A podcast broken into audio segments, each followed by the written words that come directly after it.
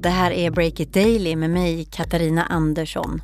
Snart kommer den till Sverige. Google räknar med att sälja en halv miljon smarta högtalare till svenskarna. Hur kommer det att förändra våra liv? Och hur är det att leva med en digital assistent som lyssnar på allt, hela tiden?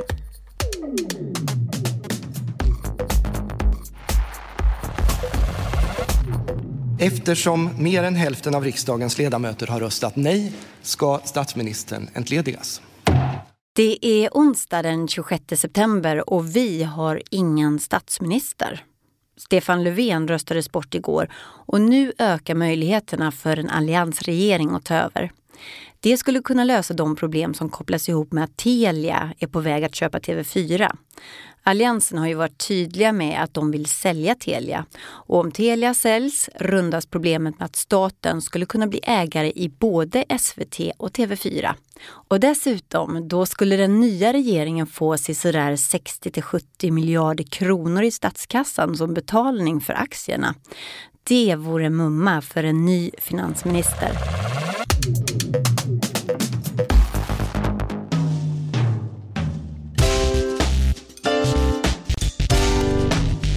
Gimlet, this is Reply All. I'm PJ Vote. And I'm Alex Goldman.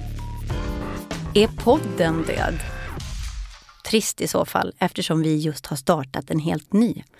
Men i USA slimmar många mediebolag just nu ner sina poddproduktioner. Slate Magazine och Buzzfeed skär ner rejält i sin podcaststyrka och Audible, som tillhör giganten Amazon, har sparkat ut hela sin poddpersonal. Kanske är inte podden den räddningsplankan som många digitala medier räknat med på andra sidan Atlanten. Uber-förare tjänar bara hälften så mycket idag som de gjorde för fem år sedan. Det här skriver amerikanska sajten Recode som bygger sin artikel på en undersökning från JP Morgan Chase Institute. Inkomstraset har många förklaringar enligt rapporten.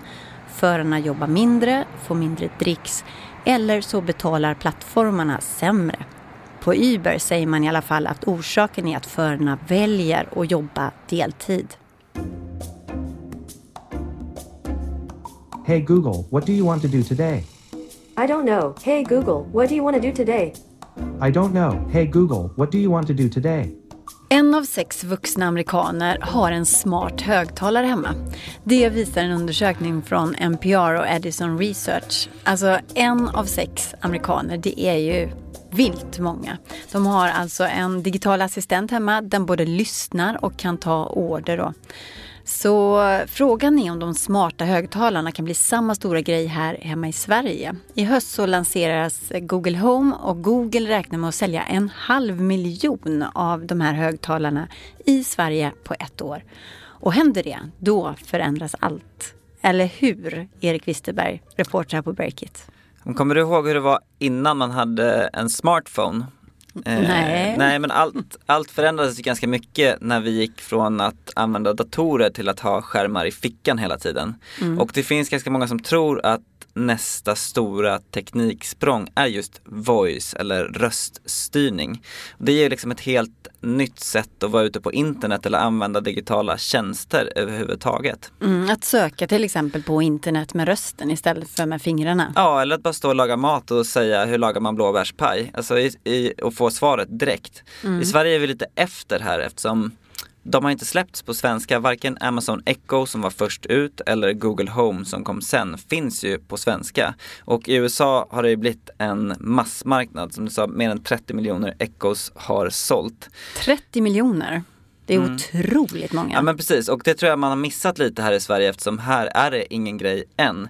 Men det som är intressant är att det skapar en helt ny medieplattform kan man ju säga att vara på. Både för medier tjänster som till exempel Spotify men också i framtiden kanske e-handlare. Mm, så man måste anpassa sina produkter och tjänster till rösten? Då. Men nyligen har ju Aftonbladet och Omni, två medier från eh, Schibsted, mediejätten, den börsnoterade, lanserat dagliga poddar och det har ju vi också gjort här på mm. Breakit. Och det är inte så att Aftonbladet är sent in på någon slags yrvaken poddboom utan de utvecklar ju nu liksom nyheter för röststyrda högtalare. Just det, och du har pratat med Aftonbladet också. Vad säger de då? Ja men det var rätt spännande. Jag pratade med deras poddchef, eller Head of Voice kallar han sig nu för också, Patrik Syk. Ja. Vilken härlig titel. Ja men precis, ny titel där, eh, talande i sammanhanget. Men han liknar det till att de ställde in om till Mobile first när mobilen blev stor och nu tittar de på eh, Voice first då.